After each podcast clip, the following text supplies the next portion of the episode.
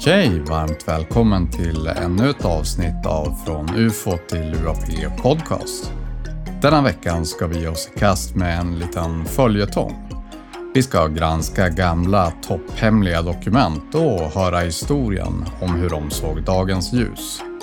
Vi kommer sedan att gräva ner oss en bra bit i kaninhålet när vi lyssnar till information om en övergripande konspiration där UFO-frågan är helt central och som stärks med en hel del dokumentation.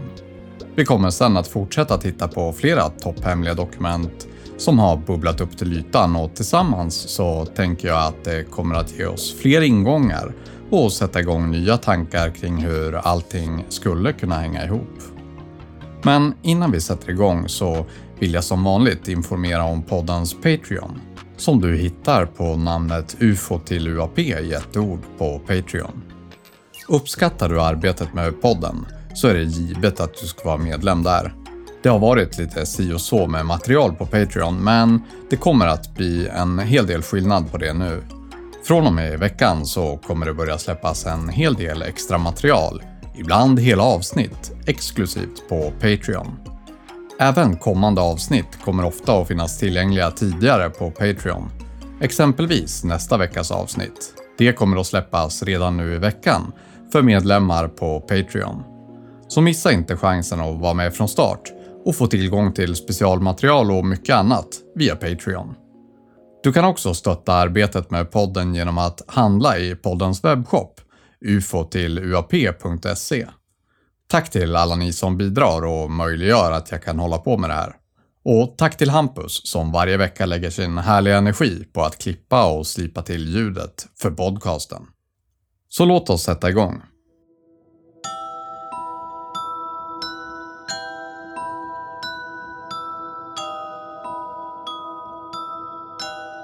I skuggan av kalla kriget och på höjden av rymdkapplöpningen, en tid då världen balanserade på gränsen mellan teknologiska underverk och global katastrof, inträffade en händelse som skulle utmana vår förståelse av det okända.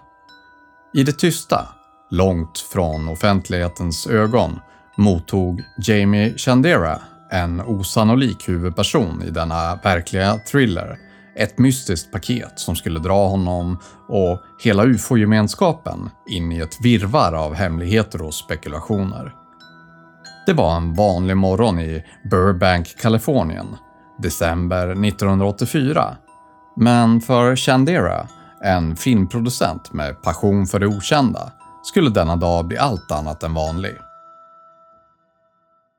När han tog emot ett anonymt paket utan avsändaradress poststämplat i Albuquerque, New Mexico, hade han ingen aning om att han stod inför ett av de mest gåtfulla kapitlen i ufo-forskningens historia. Inuti paketet fann han en rulle med 35 mm film, exponerad men inte framkallad. Driven av nyfikenhet och en aning om att han hade något potentiellt banbrytande i sina händer skyndade han sig att framkalla filmen.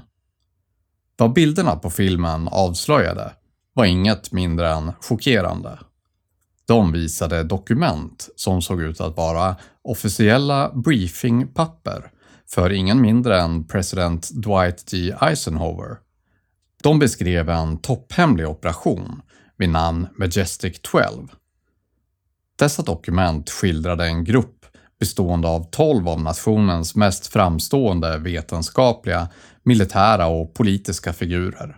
Utvalda att hantera och undersöka ufo-fenomen och bevis för utomjordisk närvaro. Ett av dokumenten, ett topphemligt memo daterat den 24 september 1947 från president Harry Truman till försvarsminister James B. Forrestal beordrade skapandet av ett projekt omgärdat av absolut högsta sekretess. Operation Majestic 12. Men innehållet i dokumenten sträckte sig långt bortom de byråkratiska korridorerna och hemliga mötena. De talade om observationer av ufon, bärgningen av kraschade ufon och mest sensationellt, återinhämtningen av kropparna från fyra utomjordingar nära Roswell, New Mexico, år 1947. Denna upptäckt och de mysterier som omgav den skulle komma att skaka grundvalarna för ufo-gemenskapen och sätta igång decennier av spekulationer, kontroverser och konspirationsteorier om Majestic 12 och dess skugglika uppdrag. I en värld där verkligheten ofta överträffar fantasin, där det vardagliga kan bli porten till det okända, börjar vår berättelse en tidig morgon i Burbank, Kalifornien. December 1984 svepte en kylig vind genom gatorna. En påminnelse om att även Kalifornien kan vintern göra sin närvaro känd. Men för Jamie Chandera, en man vars liv till stora delar utspelade sig bortom rampljuset, trots hans yrke inom televisionen, skulle denna dag bli allt annat än en ordinär dag på jobbet. Chandera, vars intresse för ufo-fenomenet delades av få och förståddes av ännu färre, levde ett liv på gränsen mellan det synliga och osynliga. Mellan det kända och okända. Som filmproducent var han van vid att skapa berättelser som fångade publikens fantasi. Men ingenting kunde ha förberett honom för den berättelse som snart skulle oväntat spela huvudrollen i hans eget liv. Det var en morgon som började som vilken annan, med rutiner som följdes utan större eftertanke. Men när Chandera steg ut för att hämta sin morgontidning fann han istället något som skulle utmana gränserna för hans verklighetsuppfattning. Liggandes vid hans dörr väntade som ett vilset barn i gryningen fanns ett anonymt paket poststämplat i Albuquerque, New Mexico. Inuti paketet, gömt från världens ögon, låg en rulle med 35 mm film. Exponerad, men inte framkallad. Bärare av hemligheter, ännu inte avslöjade. Med hjärtat slående i takt som kunde rivalisera med de mest spännande scener han någonsin producerat tog Chandera sitt fynd till ett mörkerrum. Där i ensamhetens och förväntningens stillhet framkallade han filmen. Bild efter bild avslöjade sig på det vita pappret. Var och en en pusselbit i ett mysterium större än något han kunnat föreställa sig. Dokumenten som framträdde framför hans ögon var av en natur så sensationell, så otrolig, att det kunde ha kommit rakt ur en science fiction-roman. Men detta var ingen fiktion. Detta var verklighet. Dokumenten på filmen utgjorde briefingpapper för ingen mindre än president Dwight G. Eisenhower detaljerade en topphemlig operation vid namn Majestic 12. Denna grupp, bestående av 12 av nationens mest framstående vetenskapliga, militära och politiska figurer, hade enligt dokumenten uppdraget att hantera och undersöka ufo-aktiviteter och bevis för utomjordisk närvaro. Ett särskilt dokument, ett topphemligt memo från president Harry Truman till försvarsminister James Forrestal, daterat 24 september 1947, gav order om inrättandet av Operation Majestic 12. Andra dokument beskrev ufo-observationer, bärgningen av ett kraschat ufo och återhämtningen av kropparna från fyra utomjordingar nära Roswell, New Mexico, 1947. I det ögonblick Jamie Chandera insåg vidden av vad filmrollen i hans händer kunde innebära grep en blandning av upphetsning och djup känsla av ansvar tag i honom. Där, i det dunkla ljuset från mörkerrummet, medan bilderna sakta framträdde på fotopappret, förstod han att detta inte var något han kunde eller borde hantera ensam. Det var upptäckter som dessa, dolda i skuggorna av historien och regeringens mest skyddade hemligheter, som krävde en sammanslutning av sinnen, en grupp individer med både passion och expertis inom ufo-fenomenet. Med det i åtanke visste han exakt vem han behövde kontakta. Stanton T. Friedman och William Moore. Friedman, en kärnfysiker med väl etablerat rykte inom ufo-forskningsgemenskapen, var känd för sin metodiska och vetenskapliga tillvägagångssätt till ufo-studier. Hans kunskap och analytiska förmåga gjorde honom till en ovärderlig tillgång när det kom till att bedöma dokumentens trovärdighet. Å andra sidan, Moore, en författare och ufolog som redan hade publicerat arbeten om Roswell-incidenten, hade den historiska insikten och förståelsen för ufo-fenomenets mer subtila nyanser som krävdes för att navigera i de komplexa vatten där MJ-12-dokumenten hade sitt ursprung. Tillsammans i en kombination av vetenskap och historia inledde de tre männen en omfattande forsknings och verifieringsprocess. Deras första steg var att noggrant granska varje namn och händelse som nämndes i dokumenten. En uppgift som krävde både tålamod och en detektivs skicklighet. De sökte korsreferenser, offentliga arkiv och tidigare klassificerade dokument som kunde antyda eller bekräfta de påståenden som de nu hade framför sig. Varje ledtråd följdes, varje sten vändes, i en beslutsamhet att avslöja sanningen bakom dessa mystiska papper. Ett av de mest betydande genombrotten i deras undersökning kom 1985 när Chandera och Moore gjorde en upptäckt som skulle ge deras forskning ny vind i seglen. I de nationella arkiven, dold mellan två helt orelaterade mappar, fann de ett topphemligt memo daterat 14 juli 1954 från Robert Cutler, särskild assistent till presidenten. Memot var skickat till general Nathan Twinning. Detta dokument informerade om en ändring i datum för en MJ-12 briefing. En upptäckt som inte bara stärkte deras påståenden om MJ-12s existens, utan också ökade mysteriet kring dess autenticitet. När Jamie Chandera, Stanton Friedman och William Moore fortsatte att nysta i trådarna kring MJ-12-dokumenten stod de inför en upptäckt som skulle bredda konturerna av deras undersökning på ett oväntat sätt.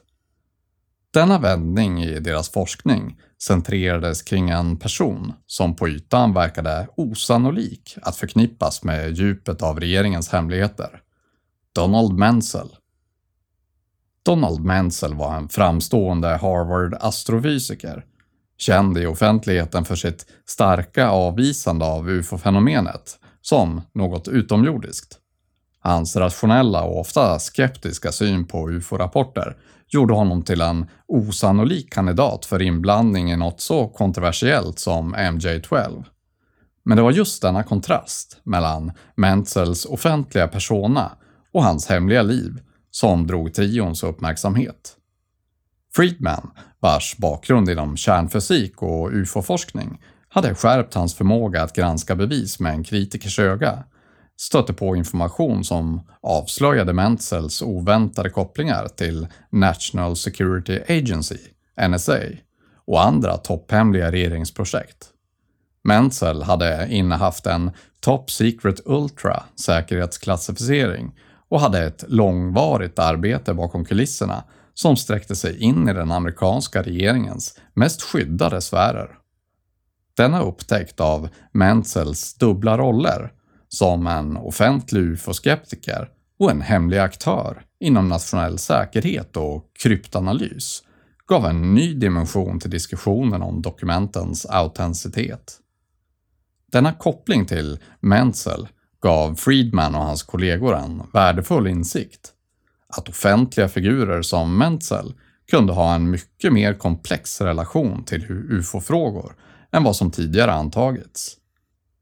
Det antydde att Menzel, trots hans offentliga förnekande av ufo-fenomenets utomjordiska ursprung, kanske privat hade deltagit i hanteringen av information om ufon och utomjordingar på en nivå som krävde högsta säkerhetsklassificering. Denna upptäckt tjänade som en kraftfull påminnelse om att verkligheten ofta är mer komplicerad än den första anblicken kan föreslå och att sanningen om regeringens engagemang i ufo-frågor kanske var djupt begravd under lager av hemligheter och dubbla liv. Med denna nya förståelse och efter år av noggrann forskning och förberedelser beslutade trion att det var dags att offentliggöra sina fynd. Offentliggörandet 1987 var inte bara ett ögonblick av avslöjande, men också en utmaning. En utmaning mot etablerade uppfattningar. En uppmaning till öppenhet och en inbjudan till världen att omvärdera vad den trodde sig veta om ufo-fenomenet och regeringens roll. Offentliggörandet drog omedelbart till sig en våg av uppmärksamhet. Från ufo-forskningsgemenskapen till mainstream media och den nyfikna allmänheten. Debatten som följde var intensiv och delad, med kritiker som ifrågasatte dokumentens äkthet och förespråkare som såg dem som det slutgiltiga beviset på en omfattande konspiration. Men oavsett var man stod i debatten var en sak klar. Offentliggörandet av MJ12-dokumenten hade öppnat en ny front i diskussionen om ufon och regeringens hemlighetshållande. Det hade gett bränsle till en fortsatt sökning efter sanningen. En sökning som skulle fortsätta att inspirera forskare, konspirationsteoretiker och nyfikna själar långt in i framtiden. Så vad innehöll då dessa dokument? Med tanke på att äktheten starkt har påvisats av Friedman och de andra, trots stora omfattande försök att hitta saker som visar att de är fejkade, men där Friedman inte minst i sin bok om dokumenten har motbevisat varje av dessa försök, så tycker jag nu att det vore väldigt intressant att dyka djupare ner och faktiskt gå igenom dokumentet. Det börjar så här. Briefingdokument Operation Majestic 12 Förberett för tillträdande president Dwight D. Eisenhower endast för insatta ögon. 18 november 1952. Varning! Detta är ett topphemligt, endast för insatta ögon-dokument som innehåller avdelad information som är avgörande för USAs nationella säkerhet. Åtkomst endast för insatta ögon till materialet här är strikt begränsat till de som har Majestic 12-klassificering. Reproduktion i någon form eller att ta skriftliga eller mekaniskt transkriberade anteckningar är strikt förbjudet. Endast för insatta ögon. T52 undantagen E. Ämne Förhandsbriefing för Operation Majestic 12 till tillträdande president Eisenhower. Dokument förberett 18 november 1952. Briefingofficer Admiral Roscoe H. Hillencotter, MJ1. Not. Detta dokument har förberetts som enbart en förhandsbriefing. Det bör ses som en introduktion till en fullständig operationsbriefing som är tänkt att följa. Operation Majestic 12 är en topphemlig forsknings och utvecklingsunderrättelseoperation som direkt och endast ansvarar inför USAs president.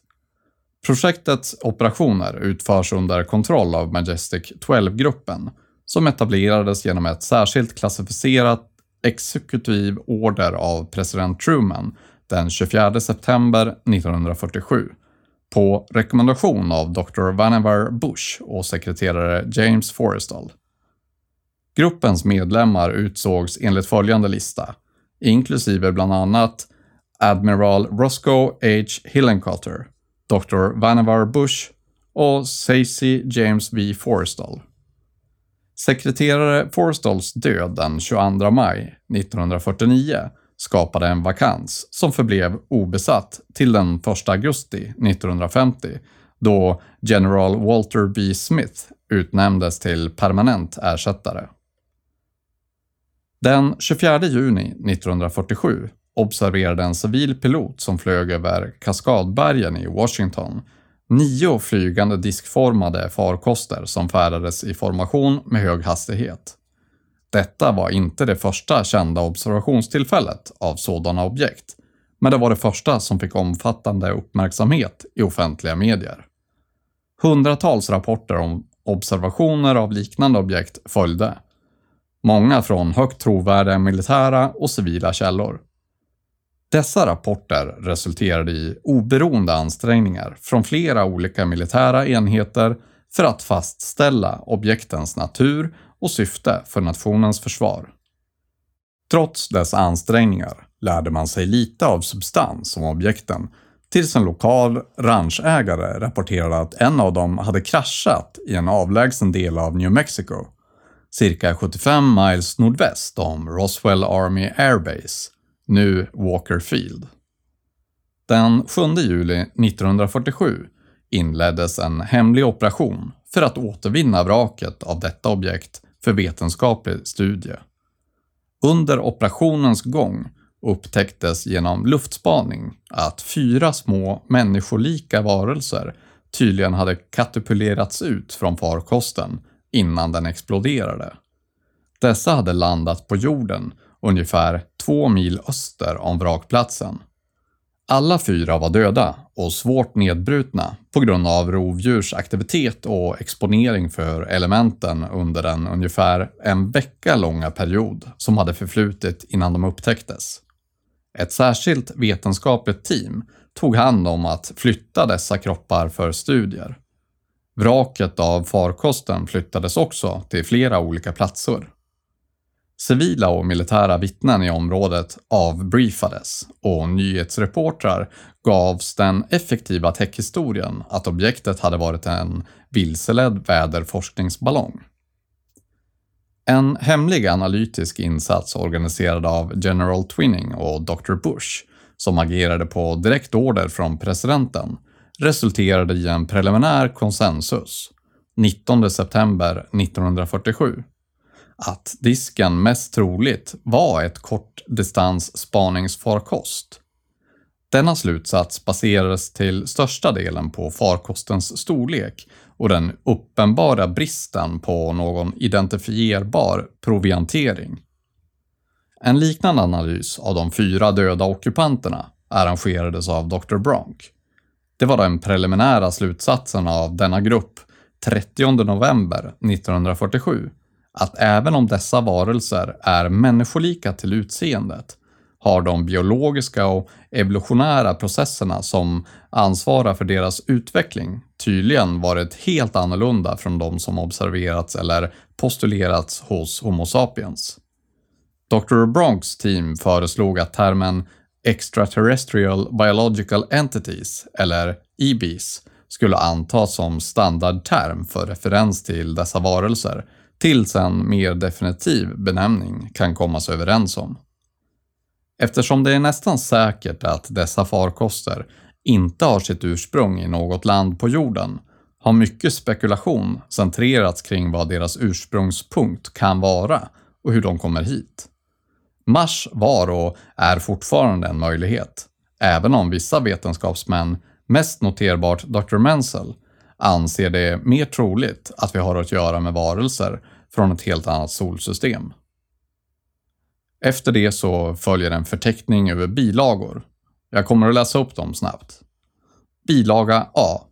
Särskilt klassificerat exekutivorder nummer 092447. Bilaga B. Statusrapport nummer 1, del A från Operation Majestic 12, daterad 30 november 1947. Bilaga C. Statusrapport nummer 1, del B från Operation Majestic 12, daterad samma datum. Bilaga D. Preliminär analytisk rapport från Operation Majestic 12, daterad 19 september 1947. Bilaga E. Rapport nummer 5 från Operation Majestic 12 Blue Team, daterad 30 juni 1952. Bilaga F. Statusrapport nummer 2 från Operation Majestic 12, daterad 31 januari 1948. Bilaga G. Kontingensplan MJ 1949 04 P78 från Operation Majestic 12, daterad 31 januari 1949 och bilaga H. Karta och fotografiportfolio. Utdrag från Operation Majestic 12. De här bilagorna var tyvärr ingenting som följde med i den filmrulle som framkallades. Brev från Truman som bekräftar exekutivorderns datum och inriktningen på Operation Majestic 12 daterat 24 september 1947, vilket understryker operationens vikt och hemlighetsfullhet. Memo till Secretary of Defense. Kära Forrestal. Enligt vår nyliga konversation om detta ärende är du härmed bemyndigad att fortsätta med all nödvändig hastighet och försiktighet i ditt åtagande. Hädanefter ska detta ärende enbart refereras till som Operation Majestic 12. Jag känner fortfarande att eventuella framtida överväganden angående den slutgiltiga hanteringen av detta ärende enbart bör vila hos presidentens kontor efter lämpliga diskussioner med dig själv, Dr. Bush och centrala underrättelsedirektören. Signerat Harry Truman.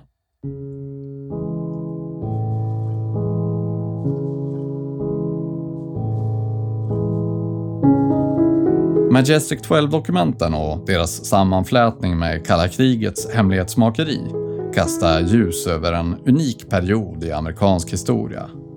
Under denna tid, när spänningarna mellan supermakterna var på sin höjd och rymdkapplöpningen intensifierades, växte också det offentliga intresset och regeringens engagemang i ufo-fenomenet. Dokumenten som påstås ha skapats för att hantera och hemlighålla utomjordisk teknologi och varelser speglar en era där nationens säkerhet och teknologiska överlägsenhet var av yttersta vikt. Denna period var också vittne till etableringen av en rad hemliga projekt och initiativ. Som Project Blue Book som syftade till att undersöka och förstå ufo-rapporter. Diskussionen kring Majestic 12 ger inte bara en inblick i kalla krigets underrättelse och försvarsstrategier utan belyser även de djupgående frågorna om transparens, vetenskaplig nyfikenhet och regeringens roll i att utforska det okända. Upptäckten av de första Majestic 12-dokumenten markerade bara början på en lång serie av läckor som pekade mot gruppens fortsatta existens och verksamhet. Efter det initiala offentliggörandet dök flera andra dokument upp över tid, vilka nämner MJ12 eller påstås vara skrivna av eller för gruppen. Dessa ytterligare dokument har lockat stort intresse från ufologer och forskare som har granskat dem noggrant, värderat deras innehåll och kategoriserat dem efter trovärdighet.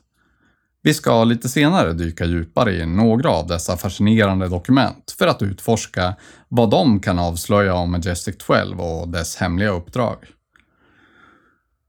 Men just nu ska vi zooma ut lite och titta vidare på kontexten i var MJ12 skapades och vilka andra händelser som är tätt kopplade till gruppen. Vi kommer att göra detta baserat på ett föredrag som hölls av William Cooper någon gång under 1990-talet som han kallade The Secret Government, Identity and Purpose of the Real Majestic 12. William Cooper var en person som omgärdades av både kontrovers och djup fascination inom konspirationsteori och ufo-gemenskapen. Född den 6 maj 1943 och med en karriär inom den amerikanska flottan blev Cooper känd för sina extraordinära avslöjanden om regeringens hemligheter, utomjordisk närvaro och en global konspiration som styrde världens öde från skuggorna. Cooper, vars fullständiga namn är Milton William Cooper, gjorde sig först känd inom ufo-kretsar på 1980-talet efter att ha hävdat att han under sin tid i flottan hade stött på hemligstämplade dokument som avslöjade regeringens djupa inblandning med utomjordiska varelser och teknologi.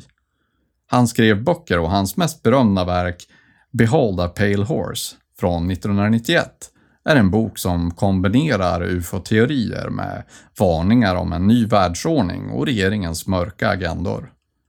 Boken har blivit en kultklassiker inom konspirationsteorikretsar och fortsätter att vara en inspirationskälla för många som ifrågasätter officiella berättelser och söker efter sanningen.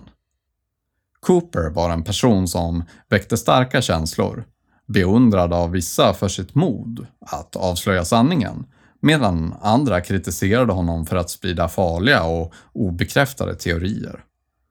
William Coopers liv tog en tragisk vändning den 5 november 2001 när han dödades i en konfrontation med polisen utanför sitt hem i Arizona, vilket såklart adderade en ytterligare nivå av mystik och spekulation kring hans person och de påståenden han gjorde under sitt liv.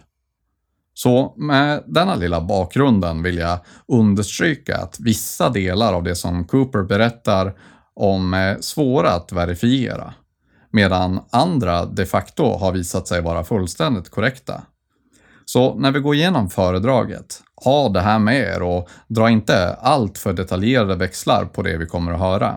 Plocka istället med er helheten och att många av de saker han berättar linjerar med många av de dokument som senare har blivit tillgängliga och passar extremt bra in i tidslinjen för det man kunnat kontrollera och korsverifiera med andra dokument kring presidenter och andra högt uppsatta myndighetspersoner. Med detta sagt, låt oss hoppa lite djupare ner i kaninhålet. I skuggan av andra världskrigets slut, då mänskligheten återhämtade sig från dess mest förödande konflikt, fann sig USAs regering stå öga mot öga med händelser så otroliga att de skulle omforma USAs framtid och hela mänsklighetens öde. Med president Truman i spetsen kämpade myndigheterna med att greppa det otänkbara. Trots att de precis hade segrat i historiens mest kostsamma krig. USA ensamt om att besitta den fruktade atombomben, vilken hade kraft att utplåna allt motstånd, stod på höjden av sin makt och med en ekonomi utan motstycke. Banbrytande teknologi och en levnadsstandard som var avundsvärd världen över. I denna triumf och teknisk överlägsenhet mötte nationen en verklighet som skulle utmana dess grundvalar. I öknen i New Mexico upptäckte en liten informerad elit inom USAs regering vrakdelarna av en främmande farkost, uppenbarligen kontrollerad av varelser från en annan värld. Dessa varelser hade kraschat på vår planet.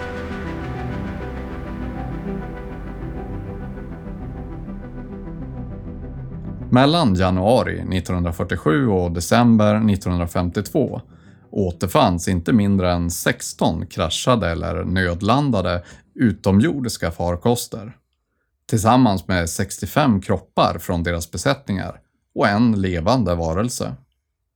Ett ytterligare vrak exploderade i luften och lämnade inga spår efter sig. Större delen av dessa incidenter skedde inom USAs gränser med en koncentration i New Mexico och enstaka händelser i Arizona och Nevada. Medan andra inträffade långt bortom landets gränser i länder som Norge och Mexiko. Upprepade observationer av ufon blev så vanliga att varje försök till seriös utredning eller avfärdande av rapporterna blev omöjligt med de då tillgängliga underrättelsemedlen.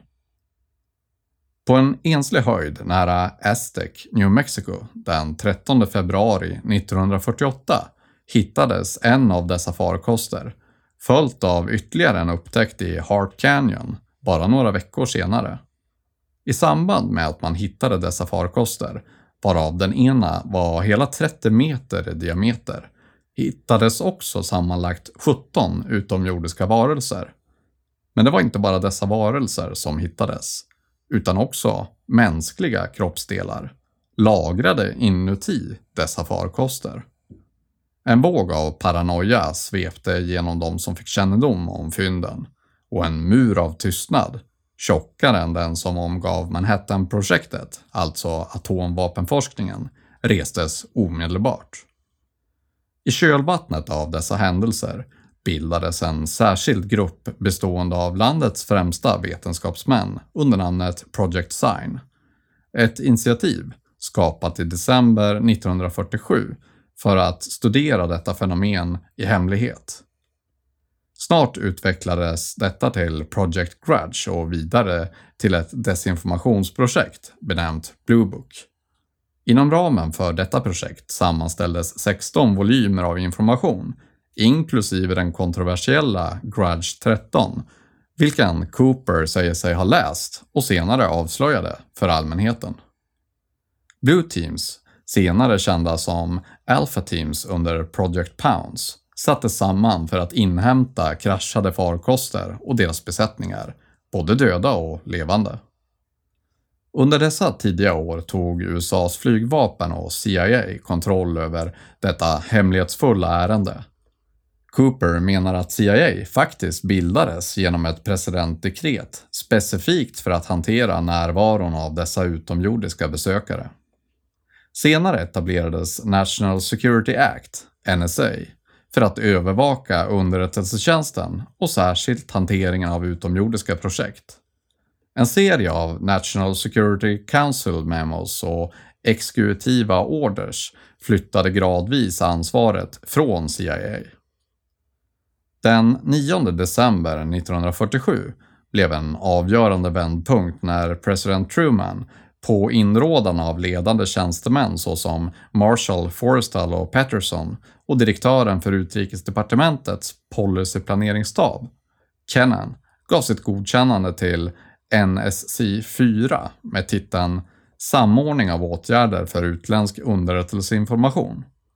Detta beslut skulle lägga grunden till en ny era av hemlighetsmakeri och manipulation på global nivå. Enligt Forgin, en Military Intelligence Book 1, den slutgiltiga rapporten från senatens särskilda kommitté, gav detta direktiv utrikesministern befogenhet att samordna informationsaktiviteter utomlands avsedda att motverka kommunismen. En topphemlig bilaga gav direktören för CIA i uppdrag att genomföra hemliga psykologiska underrättelseoperationer på bland annat den egna befolkningen. Senare skulle det andra dekret ersätta dessa inledande ordrar och ytterligare utvidga de hemliga befogenheterna. Kontoret för policykoordinering, OPC, inrättades för att genomföra ett utvidgat program av hemliga aktiviteter. De nya dekreten tillät olagliga och utomrättsliga metoder och procedurer som godtagbara för den nationella säkerhetsledningen. Reaktionen var omedelbar. I underrättelsegemenskapens ögon var ingenting längre förbjudet. Under denna period inrättades en samordningsgrupp för att granska, men inte godkänna, förslag på hemliga projekt. Denna grupp fick i hemlighet uppdrag att samordna de utomjordiska projekten. Dessa dekret är en viktig milstolpe när det kommer till förflyttningen av information och ansvar från kongress och senat eftersom det tolkades som att ingen i toppen ville veta något förrän allt var över och framgångsrikt genomfört. Dessa åtgärder skapade en buffert mellan presidenten och informationen. Syftet med denna buffert var att ge presidenten möjlighet att förneka kännedom om läckor skulle avslöja något om den verkliga situationen. Men bufferten visade sig också kunna användas för att effektivt undanhålla efterföljande presidenter från kunskap om den utomjordiska närvaron. Utöver vad den hemliga maktgruppen och underrättelsetjänsten ville att de skulle veta. Dekretet inrättade också en grupp som möttes i hemlighet och bestod av den tidens topp av vetenskapliga hjärnor. Denna panel kallades inte MJ12. I ett annat dekret eller memo, NSC 10.5, beskrevs ytterligare denna panels uppgifter. Men det var dessa memon och hemliga andra orders som banade väg för skapandet av MJ12, bara fyra år senare.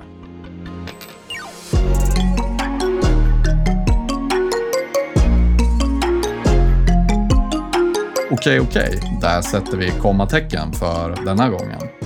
Nästa vecka fortsätter vi precis där vi slutade i Coopers föredrag och det kommer bli ännu mer vilt än vad det redan är. Det är viktigt att tänka på att många ställde sig kritiska till Coopers uppgifter och många menade att mycket av det stämde eller gick att konfirmera med flera andra källor. Ta hans föredrag som den information den är. All information är till för att påverka andra människor och för att bilda sig sin egen uppfattning så är det viktigt att tillgodogöra sig information från flera håll. Det jag framförallt vill sända är uppmaningen att det finns många delar i vår historia som inte stämmer och där det helt klart finns anledning att gräva vidare. UFO-frågan är ett alldeles lysande exempel på detta och givetvis så har hemlighetshållandet av detta skapat fullt med problematik när man ska beskriva andra händelser där UFO-frågan skulle varit en vital del för att kunna förklara. Men eftersom man inte har valt att berätta om UFO-frågan så har man också varit tvungen att skriva om många andra delar av historien. Fortsätt söka sanningen på det vis som du har möjlighet att göra. Fortsätt uppmärksamma andra att ge sig in i fenomenets värld. Tipsa dem om podden. Det är ett alldeles strålande sätt att få andra intresserade och be dem gärna att börja med det första avsnittet. Tusen tack för att du lyssnar. Tills nästa gång. Lev väl!